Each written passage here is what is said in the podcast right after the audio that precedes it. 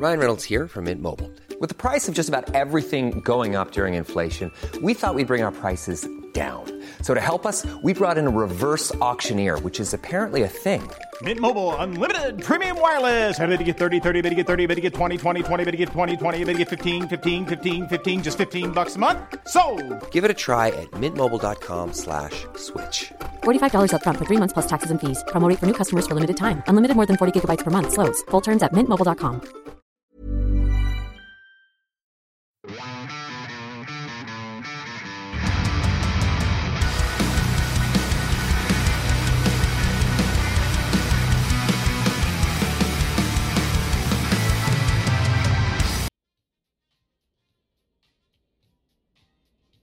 Från de tidigaste av stumfilmer till dagens moderna blockbusters med avancerade visuella effekter så har djur spelat en central roll i filmvärlden.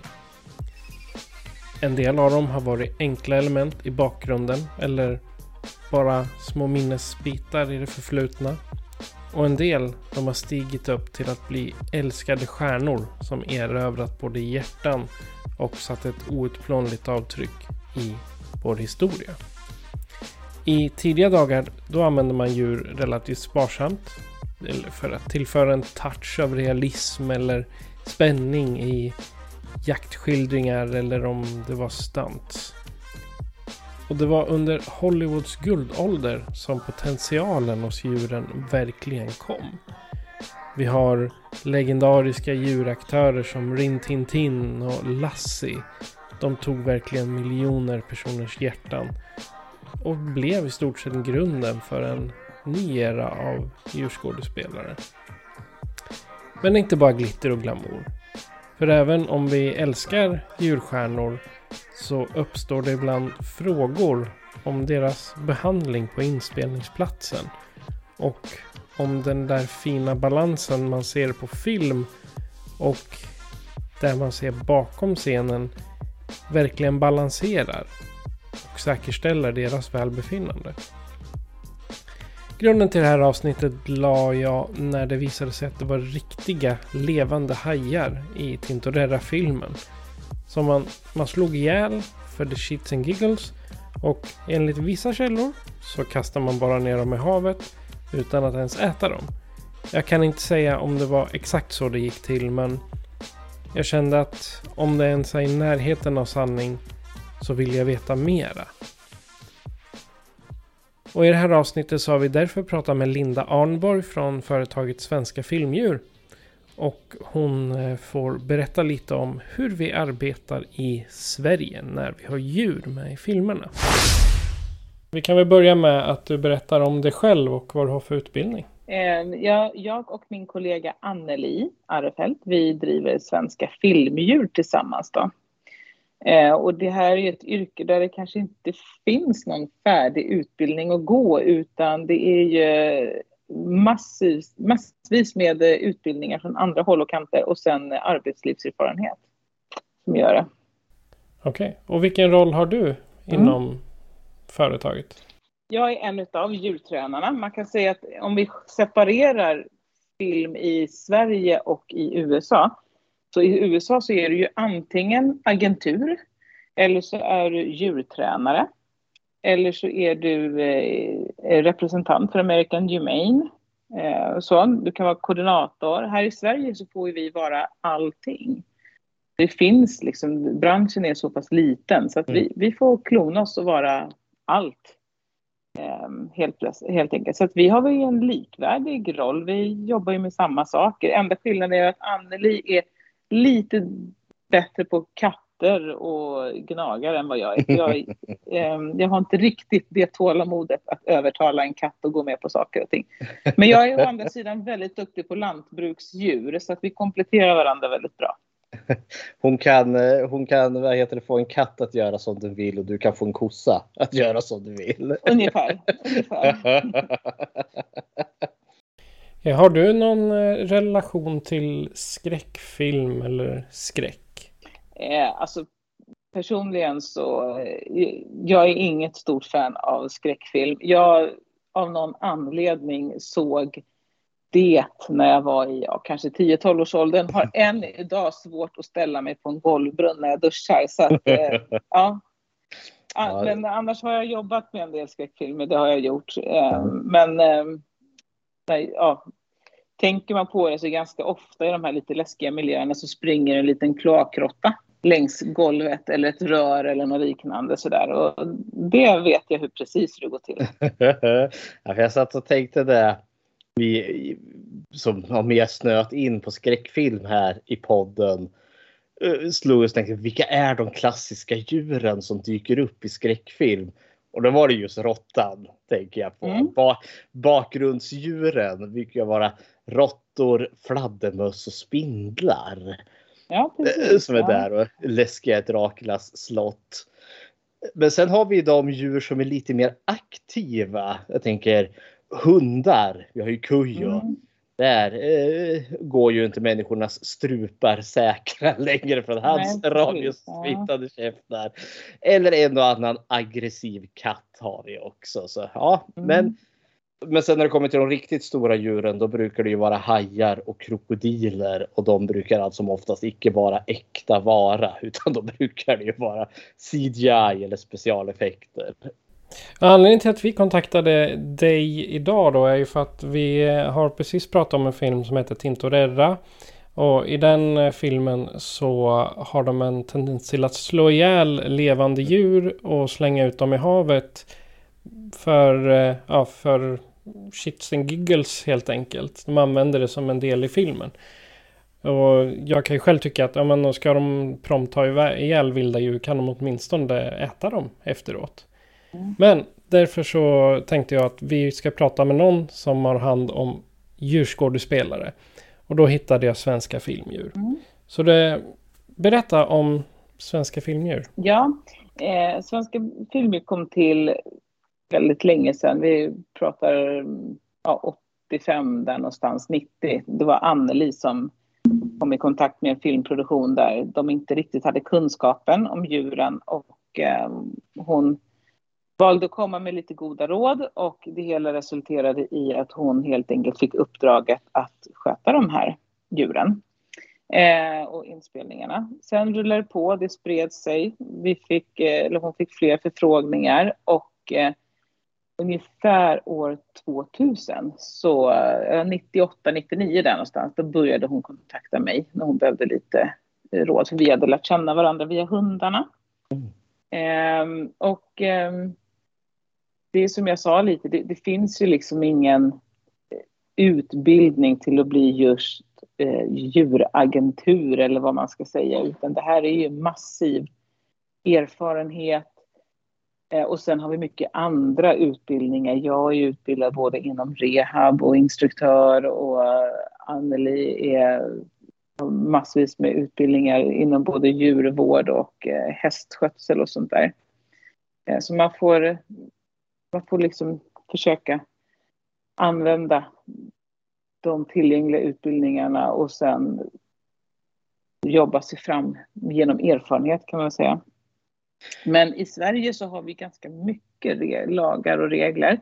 Kanske inte riktigt så mycket som jag hade önskat, men vi har ganska mycket att följa faktiskt.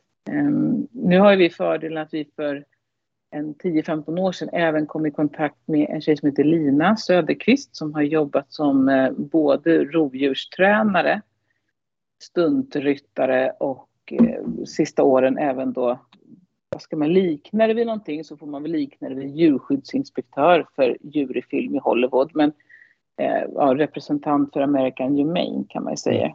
Ett gediget CV. Ja, och i och med det samarbetet så fick vi även eh, möjligheten att kunna ta del av American Humanes kunskap och guidelines som faktiskt är baserat på enormt mycket mera kunskap och erfarenhet än vad vi har möjlighet till i Sverige, som att branschen är så mycket mindre här. Och då tänkte jag fråga dig just med tanke på branschens storlek kontra Amerika som är så mycket större. Där har du ju verkligen de här filialerna då som vi som har specialiserat oss på hundar, vi som specialiserar Mm. oss på hästar. Svenska filmdjur, är ni ganska ensamma, unika här i Sverige som liksom eh, arbetar med filmdjur? Ja, vad jag vet så finns det två till. Mm. Jag vet inte hur pass aktiva de är. Det, det är ganska stor okunskap i Sverige också. Mm. Många filmbolag väljer att lägga ut en liten annons på Facebook så här, vi söker en tax. Um, och många tycker väl att oh, min är ju jättemiljötränad, vi åker ju tunnelbana varje dag. Uh, det man inte riktigt tänker på det är att belastningen att be ett djur utföra samma sak om och om igen utan kanske möjlighet att kunna belöna just när den gör rätt, den är enorm. Många djur tolkar det som att jag måste göra det här fel, för du blir ju aldrig nöjd. Och där är det en jättekunskap i att eh, träna djuret för att faktiskt förstå att det är inte, vi är inte missnöjda med att du inte får belöningen just här, utan eh, det kommer. Och likaså att träna dem i den här miljön, för den, alla dessa lampor, dukar, segel, människor, walkie-talkies, det kan vara ja, generatorer, allt möjligt. Då går rökmaskiner. Det är en miljö som ja, inget djur kommer i kontakt med i daglig bas, utan det är också någonting som de måste tränas innan vi kan utsätta den för, för att det ska bli en trygg, vad ska man, trygg upplevelse. Jag brukar säga Idag pratar man ju, om, om jag tittar på när jag då började jobba med djur i film där runt ja, 99-2000, då hade vi fortfarande väldigt många filmarbetare ganska dåliga arbetsvillkor.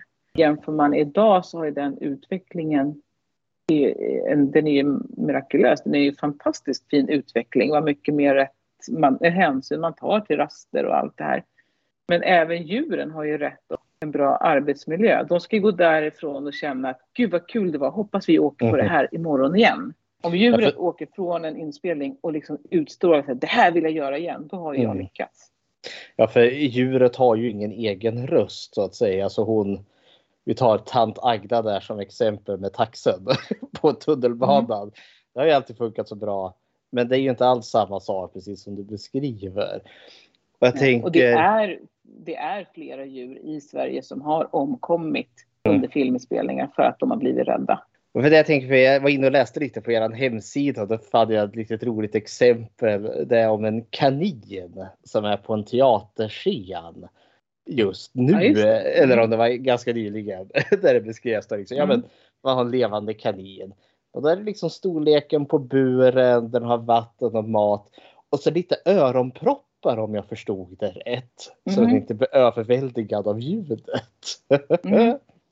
Vi vet ju inte hur mycket djur egentligen, alltså visst, till viss del kan vi ju mäta, alltså forskning och så, hur bra djur, hörsel djuren har. Men vi vet ju inte 100% säkert. Eh, det är ju ingen som kan krypa in i en kaninkropp och se hur det känns och uppleva ljud eh, i den kroppen. Eh, och då är det en, en försiktighetsåtgärd vi vidtar. Men hur går det till då? Nu säger Teaterdramaten här ska ha den här pjäsen där de vill ha en livslevande kanin i. Hur går det liksom tillväga från att de önskar en kanin till att det står en kanin på scenen? Hur går det till? Mm. Eh, vi vill ju ha in eh, manus och se exakt vad ska djuret göra. Eh, för det är faktiskt jätteviktig fråga. Ska den hanteras mycket eller ska den mest vara där? Eh, ofta har ju regissören ett önskemål om utseende. Eh, och ibland så kan den här matchningen, utseendet kontra vad djuret ska göra vara ganska svår. Alltså det kan ju vara, om vi tar ett annat ett exempel, att du kanske vill ha en hund och den ska hoppa upp den här, vad det nu kan vara. Och så önskar de en väldigt stor och tung hund. Då, då är det ju det en kräver enorm styrka att kunna hoppa på det sättet. Och då får man ibland säga okej, okay, eh, vad är viktigast? Färgen, storleken eller hoppet? Alltså bara där, liksom fysiska förutsättningarna har vi en första aspekt att ta hänsyn till. Men då tänker jag, finns det stuntdjur då? För jag tänker en, ja men säg en schäfer som ska hoppa högt där, det är ju inte alla, jag är hundmänniska själv så mm. vi vet ju att tunga hundar klarar inte av att hoppa hur högt som helst. Eh, de gånger när det blir lite mer åt stunthållet, då vill vi tidigt få kontakt med det stuntföretag som har hand om scenen. För när man gör stunt i film, då är ju även ett stuntföretag inkopplat. Och då vill vi få kontakt med dem tidigt skede. Alltså hur löser, hur är era tankar runt det här?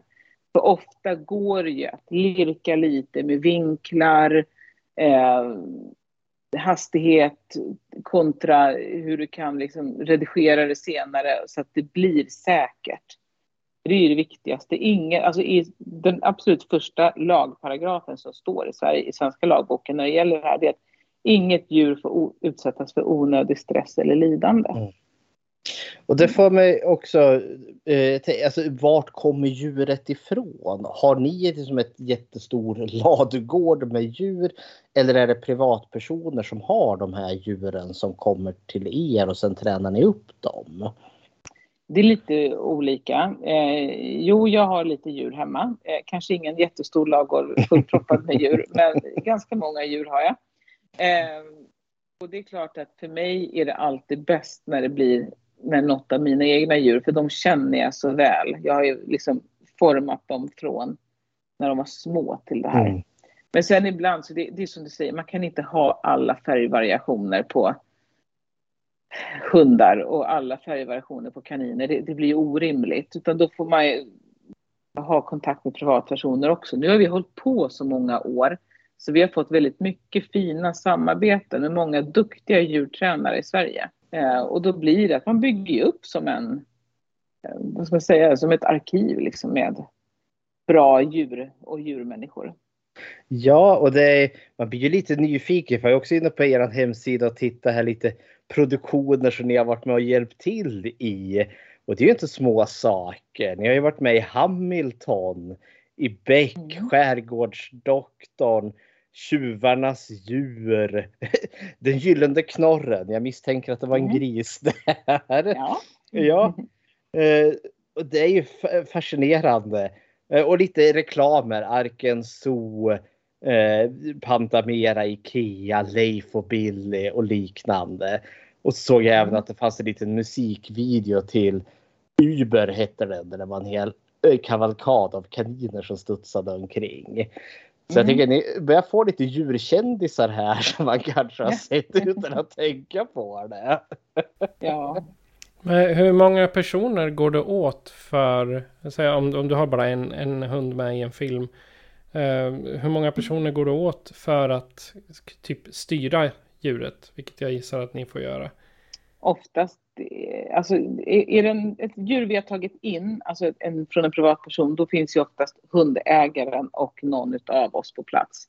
Och det är också för, dels har vi enligt svensk lag så ska det finnas en djurskötare på plats som har tillstånd av Länsstyrelsen och det har både jag och Anneli. Va? Eh, så då guidar ju vi både i det här rent praktiska, hur det här ska gå till, eh, träning inför, men också då väl på plats. Och där har vi också en jätteviktig roll för att eh, just är man inte van att vara i den här miljön och jobba så är det väldigt lätt att man kanske blir lite stressad om, när man märker att regissören inte riktigt blir nöjd med bilden och där har vi en jätteviktig roll i att vi faktiskt överblickar det och går in och säger stopp, eh, nu behöver djuret vila. Eh, men är det, som nu har jag precis gjort eh, Jakten på Stadsteatern, en spelsäsong. Och det var en av mina egna hundar som hade väldigt mycket tid på scen. Mm. Ehm, det, det, var, alltså det var en stor roll. Och det gjorde jag själv, för där tränar jag, alltså mina egna hundar som har fått möjligheten att tränas från det att de var valpar, de kan så mycket saker som gör att jag kan styra dem själv. Mm. Genom att använda eh, ja, punkter, liksom man tränar dem att springa till punkter och sådär. Och det där tänker ni som tjänst erbjuder så mycket mer än våran fiktiva tant Agda med, ta med taxen på tunnelbanan. Att ni kan ju faktiskt ja. få djuret att agera vilket kanske begränsar eller vad heter det, eh, få regissören att få mer klipp vad han vill ha istället för ett helt otränat djur som liksom bara kastas Precis. in. Vi, och vi har ju möjligheten, i och med att vi vet hur det går till, så mm. när något filmbolag kontaktar mig då vill jag väldigt tidigt få kontakt med den som är First AD, alltså den som är inspelningsledare. För det är de som schemalägger och kan vi tidigt komma i kontakt med dem så kan vi också gå in och påverka lite och säga att ja, men innan den här scenen, här skulle vi faktiskt behöva 30 minuter för vi måste hinna rigga någonting eller rasta eller pausa eller vad det nu än är. Att man, går man in, kommer man in tidigt i planeringsstadiet då blir det bra för alla. För Mm. filmbolaget vill ju ha sina bilder och jag vill att djuret ska gå därifrån och vara lycklig och glad. Och hjälps vi åt och samarbetar, slår ihop våra erfarenheter och kunskaper, då blir det ofta jättebra. Jag kan tänka vilken källa till kunskap ni sitter på. Ibland måste det bli lite så dråpliga saker också. Eh, Jag vet ju från den här filmatiseringen av Stephen Kings bok Kujo. Där vi har den här Sankt Bernhardshunden som blir vild och farlig. Han får rabies. Han får rabies och så börjar han attackera folk. Där fick de ett oväntat problem med de Sankt Bernhards hundar. För den, den skulle ju hoppa på folk för den är ju farlig och arg. Men den var ju jätteglad så han viftade ju svansen hela tiden. så där fick de, jag för mig att de fick binda fast hans svans mot hans bakben på något vis och vänster. För att Okej, inte ja, jag, få... jag har inte sett filmen så att, eh, eller hört det här. Så att, ja, men, Får man sådana nödlösningar ibland? ja ehm, kanske inte så mycket. Alltså, då är vi tillbaka till det här att inget djur får utsättas för onödig stress Nej. eller lidande. Eh, och där kan jag tycka att om... Eh, där, hade jag hamnat i det där läget, då har jag gjort ett dåligt förarbete. Eh, för att det där är en sån sak som man bör tänka igenom. Jag vet att jag, jag kommer faktiskt inte ens ihåg vad filmen hette, men jag, jag tror till och med att det var en serie som jag jobbade med för jättemånga år sedan. Där de just ville ha en leonberger, de är också stora. Den skulle kunna hoppa in genom rutan på en bil. Och redan Mm. när de då kom till planeringsstadiet så sa jag det att det här ja, vi kanske med hjälp av liksom, stuntmänniskorna kan rigga någonting så att det går att genomföra en gång, men det, Mm. det kommer inte gå att göra flera omtagningar. Är ni säkra på att ni vill ha just en Leonberger eller går det att göra om den här scenen? Där fick jag dem ju faktiskt då att tänka om lite och i sista ändan så var Leonbergen jätteviktig. Eh, Mm. Så att de gjorde om scenen. Och det är typiskt sånt där, där ibland måste jag, eller vad ska man säga, därför är det så viktigt att jag verkligen läser manuset innan Mm. och får ta del av all information. För att har jag bara fått informationen då kan man ju säga att det här är rimligt, logiskt. Eh, Det här, är, det här kan jag se att det blir problem om det blir för många omtagningar eller om det är något annat. Så att vi har ett jätteansvar där. Jag och Anneli att Och det tänker jag, det är verkligen att man måste vara realisten i rummet här. Men det tänker jag Ja. också, det, bara när jag hör dig berätta den här berättelsen så ger ju det mig ökad respekt. För det vart ju också så att då arbetade de ju om den scenen så då vart det ju ingenting med den hunden där. Så då förlorade ni också ett arbetstillfälle. Nej, alltså de, nej, nej, nej. Vi, eh, va- vi- jag jobbade med den här produktionen. Att man bytte bil. Eh, och sen så sa jag det att ni har bara en tagning på. Och de lyckades genomföra det. För då, där fick jag verkligen säga, ni, ni får inte... Jo, nu, vi tog dit en annan hund som de repeterade det med. De fick göra alla inställningar och det med en annan hund. Och sen så var det en stand-in helt enkelt. Och sen så fick själva huvud, eh, huvudrollsinnehavare, han fick en gång och det vart, allting klaffade på den gången då. Den stora stjärnan. Ja, Då det är ändå så, vem är det som bestämmer de här reglerna? För jag nämnde ju det här Kujo-exemplet när de band Mm. fast svansen. Den filmen är ändå så från 82. Så jag vet inte om Mm. man skulle göra så idag. Men det är för att det utvecklas hela tiden tänker jag. Men vem är det då som sätter Precis. de här reglerna för vad som är okej och inte okej med djur på film? mm. det är Jordbruksverket i Sverige. Jag har faktiskt till och med pratat med dem några gånger för vissa regler tycker jag är lite dumt formulerade. Vilket eh, kvinnan i fråga till slut efter många kopplingar kom fram till. Då, eh, hon höll med mig om att det är lite dumt formulerat men eh, ja, lagar och regler får inte skrivas hur som helst och på vilka ställen som helst. Så att, ja, mm. Men det är Jordbruksverket. Och sen är det Länsstyrelsen som eh, efterföljer eller kontrollerar att de efterföljs. Har du varit med om någon sån kontroll på plats på en Mm. produktion? Ja, det har jag två gånger. Ehm, och ena gången, där förstår jag faktiskt varför det uppstod. För att det var på en eh, produktion, måste vara en ja, åtta, nio år sedan. Eh, jag var där med två hundar som spelade gatuhundar. Men sen hade de från annat håll tagit in hästar och grisar. Eh, och de här grisarna sköttes inte och de var inte i bra skick. Eh, mm. Och någon av statisterna ringde faktiskt Länsstyrelsen och anmälde det. Eh, och ehm, då fick ju även jag visa upp. Man ska ju ha transporttillstånd, man ska ha det här liksom, ja, verksamhetstillståndet eller vad man ska säga. Då. Djuren ska vara veterinärbesiktade. Eh, sen är både jag och min kollega lite extra nördiga så att vi eh, dokumenterar ju under, alltså så ungefär som journalför under dagen. Alltså när har de fått vila, när har det här hänt? Och det är egentligen för att om det blir någonting i efterhand så jag kommer ju aldrig komma ihåg exakt när det där hände. Eller, men då har jag mina anteckningar att luta mig mot. Eh, så att, eh, då fick jag skicka in allting. Det, men det var, det var, de hade ingenting att anmärka på. Eh, och sen vid ytterligare ett tillfälle eh, så vet jag inte varför, men jag blev kontaktad och fick lämna in, eh, skicka in då, eh, allting. Och det var grönt den gången också. Men hårt arbete lönar sig. ja. Och då kommer vi in på en grej. Vad kan vara svårt för dig? Både inför och under en produktion. Mm. Eh, det, det, absolut svåraste jag kan råka ut för det är att jag tycker att jag har tagit reda på allt. Jag har tränat utifrån den informationen jag fått och så kommer jag dit och så har de ändrat. Det händer ganska van, det händer väldigt ofta. Och det kan vara små eh, ändringar som de kanske tycker att det här gjorde bara saken lättare. Men det gör det jättemycket svårare för mig för att mm. jag har helt plötsligt inte samma förutsättningar.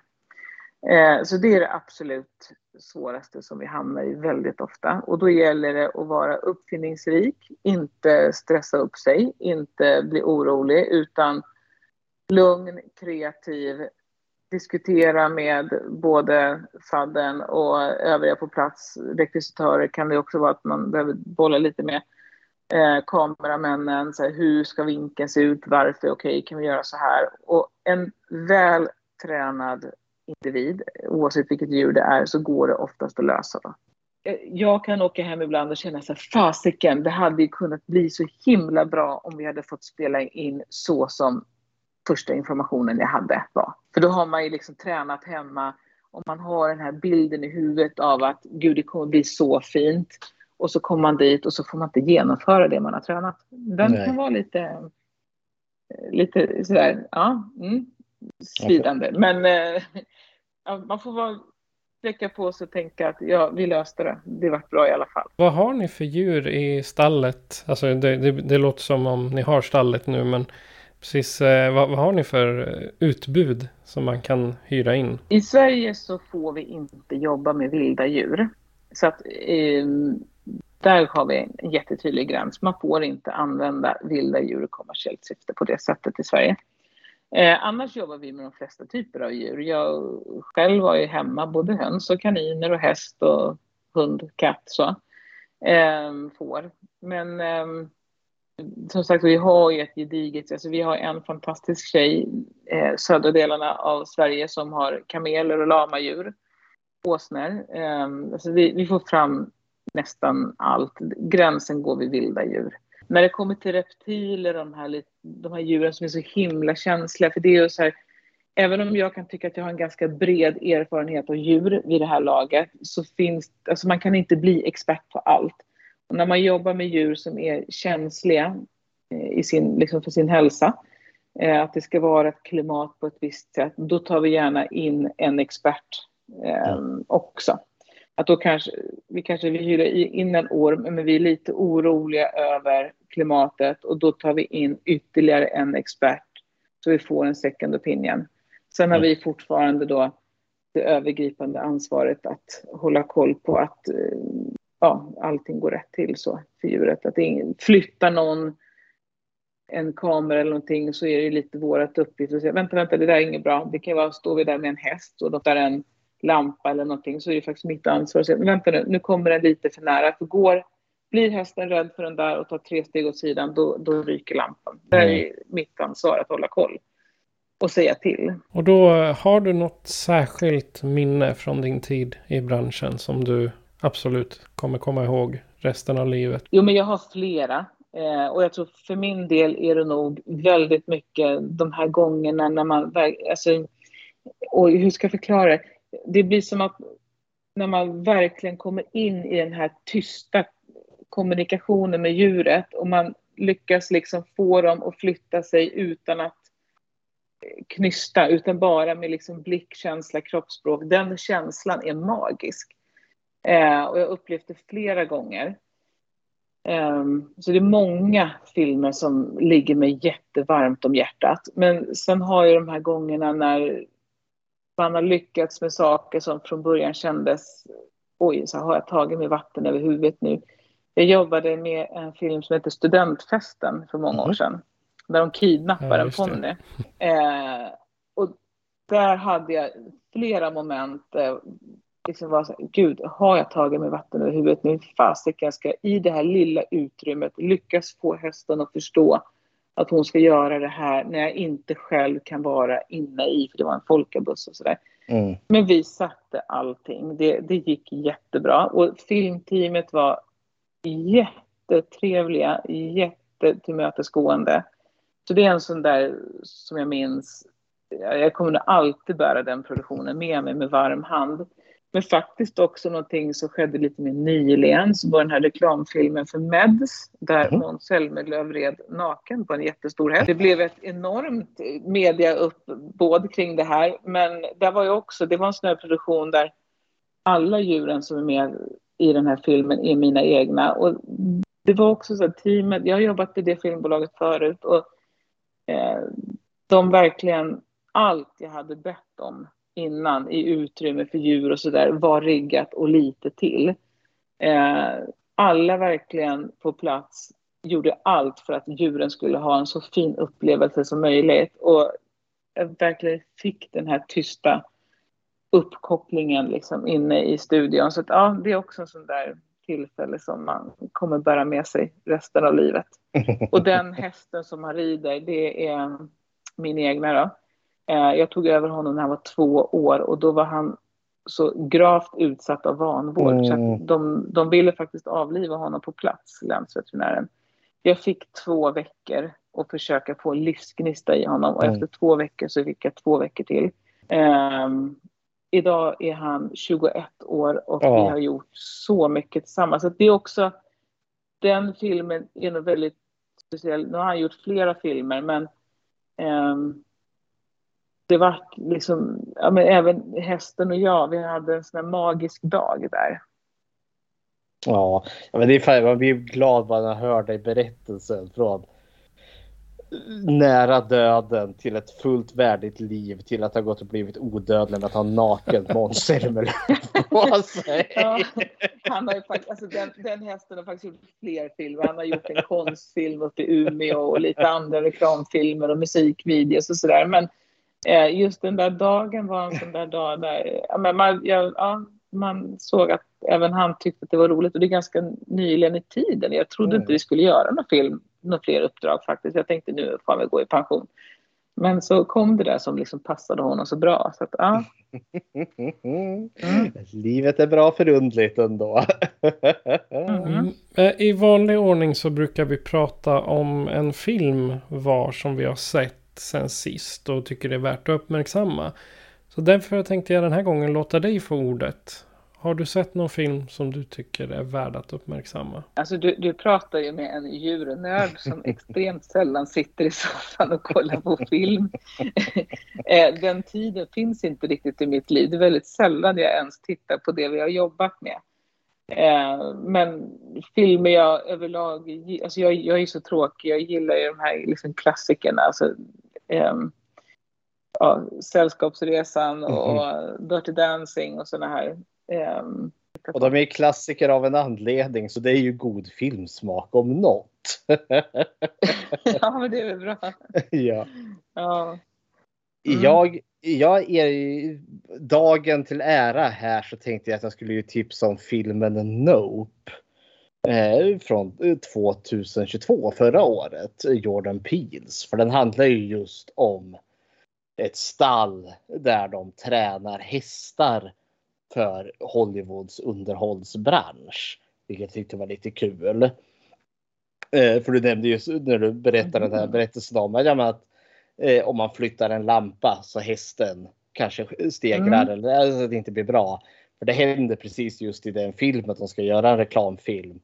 Och så är k- teamet alldeles för stressat. Åh, så gör vi så. Och han liksom försöker. Nej, nej, det går inte för då kommer det på den här sidan och så lyssnar de inte på han och så gör de det och så går det som det går.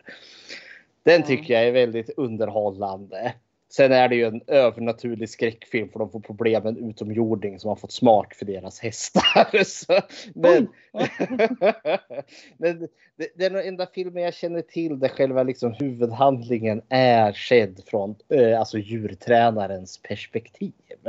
Så tänkte jag skulle det. tipsa om den. Ja, men det får man kolla upp sen nästa gång jag sätter mig i soffan. Jajamän. Ja, den här studentfesten, ja, den här studentfesten då som, ja, som eh, vi jobbade med där, den var ju faktiskt, den såg jag faktiskt och den var ju himla rolig. Så att, ja, mm. Men den är inte så nyligen, men, och det är ingen skräckfilm. Nej, men ponnyn var väldigt minnesvärd ska jag villigt erkänna. Okej, men eh, jag tänkte ge dig möjlighet eh, Linda att göra lite reklam för er om ni eller om du vill säga en egen hälsning och kanske berätta hur man kan anlita er och var man hittar er. Ja, vad trevligt. Ehm, ja, vi har ju en hemsida som har nämnts här, eh, som Svenska Filmer. Nej, Filmer.se till och med. Ehm, och enklast är att skicka ett mejl. Eh, det vi uppskattar det är ju det här att man redan i planeringsstadiet hör av sig för att då har vi riktigt stora möjligheter att få det riktigt bra. Eh, vi har en Facebook-sida, men just där när man lever som lantbrukare, djurtränare, så emellanåt så har tiden en tendens att bli en bristvara. Eh, så att det bästa är ju att skicka ett mejl. Eh, Men vi jobbar ju med både teater, film, reklamfilm, tv-serier så, och vi gör även faktiskt lite besöksuppdrag. Jag, idag, precis innan jag blev uppkopplad med er här, så kom jag hem från ett äldreboende i Stockholm där eh, vi har varit och hälsat på med våra djur. Mm. I och med att de är väldigt sociala och väldigt vältränade så är de ju perfekta för sådana här situationer. Ehm, och det, det är jätteuppskattat. Så vi gör faktiskt, jag har till och med gjort lite åt min stora dag. Svårt Mm. sjuka barn och jag har kommit till med våra kändisdjur. Så att det, det, vi gör annat också. Men eh, såklart är ju filmen kanske det som är det man tänker på i första hand. Men Linda, från film, Svenska Filmdjur, det var otroligt trevligt att prata med dig och tack för all information. Vi vet att Jordbruksverket är bra på att ta hand om eh, våra djur. Ja, Men nu vet vi också Ja, att Svenska precis. Filmdjur man- är bra på att ta hand om man, in- tar djuren man lite hjälp så blir det stjärnor. bra.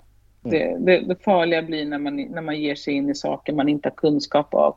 Och framförallt tappar respekten för det. Jag vet att det var någon som sa till mig någon gång så här, men hur, har ni någon säkerhetslina då eller någonting om man går in på en filminspelningsplats med stora hästar eller kor eller sådär?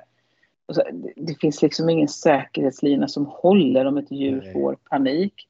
Det, en säkerhet du har, det är relationen till djuren och att du aldrig tappar respekten för vad du håller på med. Mm. Och det, det är en sån där som jag brukar tänka på ofta. Att eh, det, de gånger det blir fel, det är där man har gjort saker utan att ha, ha en ordentlig förberedelse och utan eh, respekt och relation till djuren. De måste känna sig trygga och hörda. Som filmskapare, publik och djurälskare så hoppas jag att vi står enade i vår uppskattning för konstnärligheten och bidragen från dessa anmärkningsvärda djurskådespelare. Samtidigt som vi alltid bör vara medvetna om det ansvar vi bär för att skydda och respektera deras naturliga instinkter. Framtiden för djurskådespelare inom filmvärlden bygger på ett gemensamt åtagande i att bevara magin i deras prestationer samtidigt som vi bevarar deras välmående och välfärd över allt annat. Du har lyssnat på Skräckfilmscirkeln med mig, Patrik. Och i intervjun Fredrik och Linda. Musiken den kommer från Belsemora och PYC.